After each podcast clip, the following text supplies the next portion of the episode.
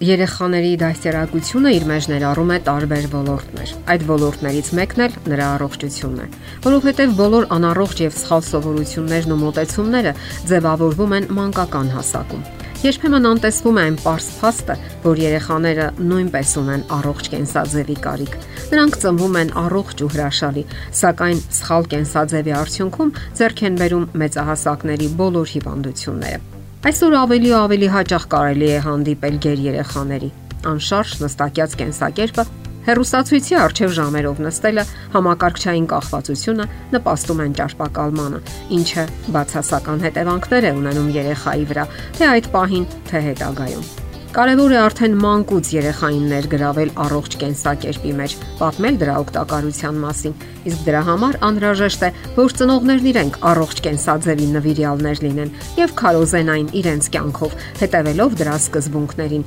լինեն գրագետ ու բանիմաց։ Առողջ կենսակերպի անբաժանելի մասն են տարբեր մարզաձևերը։ Պարզվել է, որ լողը կոնկրետ բարելավում է քունը եւ տրամադրությունը բավարարվածության եւ դրական տրամադրության արդյունք տալիս։ Եթե մեծահասակների մոտ լողը էներգիայի աղբյուր է, ապա երեխաների մոտ այն լիցքաթափում է հսկայական էներգիան օգտակար ձևով, որն այլ դեպքում սխալ կիրառություն է գտնում։ Շաբաթական մի քանի անգամ լողավազան հաճախելը եւ լողանալը բավական է դրական արդյունքները զգալու համար։ Ծնողները պարտավոր են հետևել նաև իրենց երեխաների ընդհանուր կառուցվածքին թե տղաները, թե աղջիկները երազում են գեղեցիկ մարմնաձև ունենալ։ Տղաների երազանքն է լինել ուժեղ ու ճարպիկ, իսկ աղջիկները ցանկանում են լինել բարեձև ու նրբակազմ, համաչափ մարմնաձևերով։ Սակայն մեր օրերում թվային տեխնոլոգիաները մեծապես գրավել են շարժումների տեղը։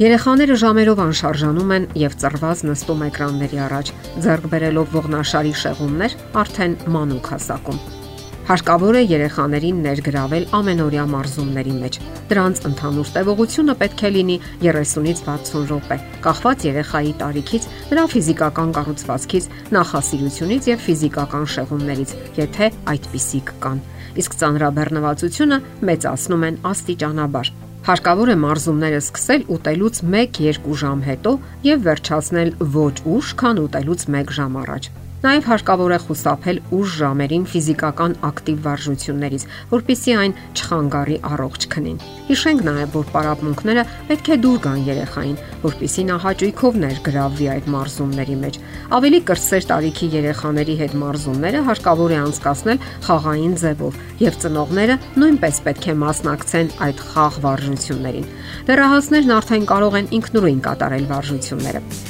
հարկավոր է նաև երեխաներին խրախուսել փոքրիկ հաջողությունները, անգամ մարզումների ժամանակ։ Պետք չէ նաև ընկնել մյուս ծայրահեղությունների գիրկը եւ ընկնել ռեկորդների հետևից։ Դրանով դուք կարող եք վնասել երեխային։ Շատ ավելի կարևոր են առողջական նպատակները, քան մեծ սպորտի մարզական հաջողությունները։ Հարկավոր է նաև կազմել երեխայի օրակարգը։ Դրանում ներառվում են դասապատրաստումները, խաղերը, օգտակար զբաղմունքները։ Հարկավոր է կարգավորել նաև երեխայի սննդակարգը։ Դա բոլորովին էլ անկարևոր չէ։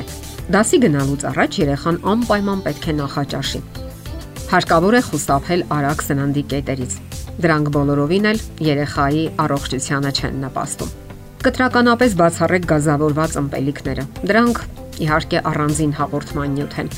Երեխայի սննդակարգում հարկավոր է ներառել շիլաներ, թարմ մրգեր եւ բանջարեղեն ավելի լավ fast food, քան օրինակ, ասենք, բանանն է, խուրման չկա։ Դրանք հարմար են դասամիջոցներին ուտելու համար եւ միևնույն ժամանակ համեղ են, օգտակար։ Այսպես երեխաներն արժանի են մեր ուշադրությանը։ Անհրաժեշտ է հետևել նրանց առողջությանը, որpիսի այն երկար տարիներ ծառայի նրանց։ Առողջ սննդակարգ, ճափավորված վարժություններ, հոգատար կարեկից ըմբռնող սիրո վերաբերմունք նրանց հանդեպ։ Ահա այն ամենը, ինչ կարող է հրաշալի առողջություն ապարգևել նրանց։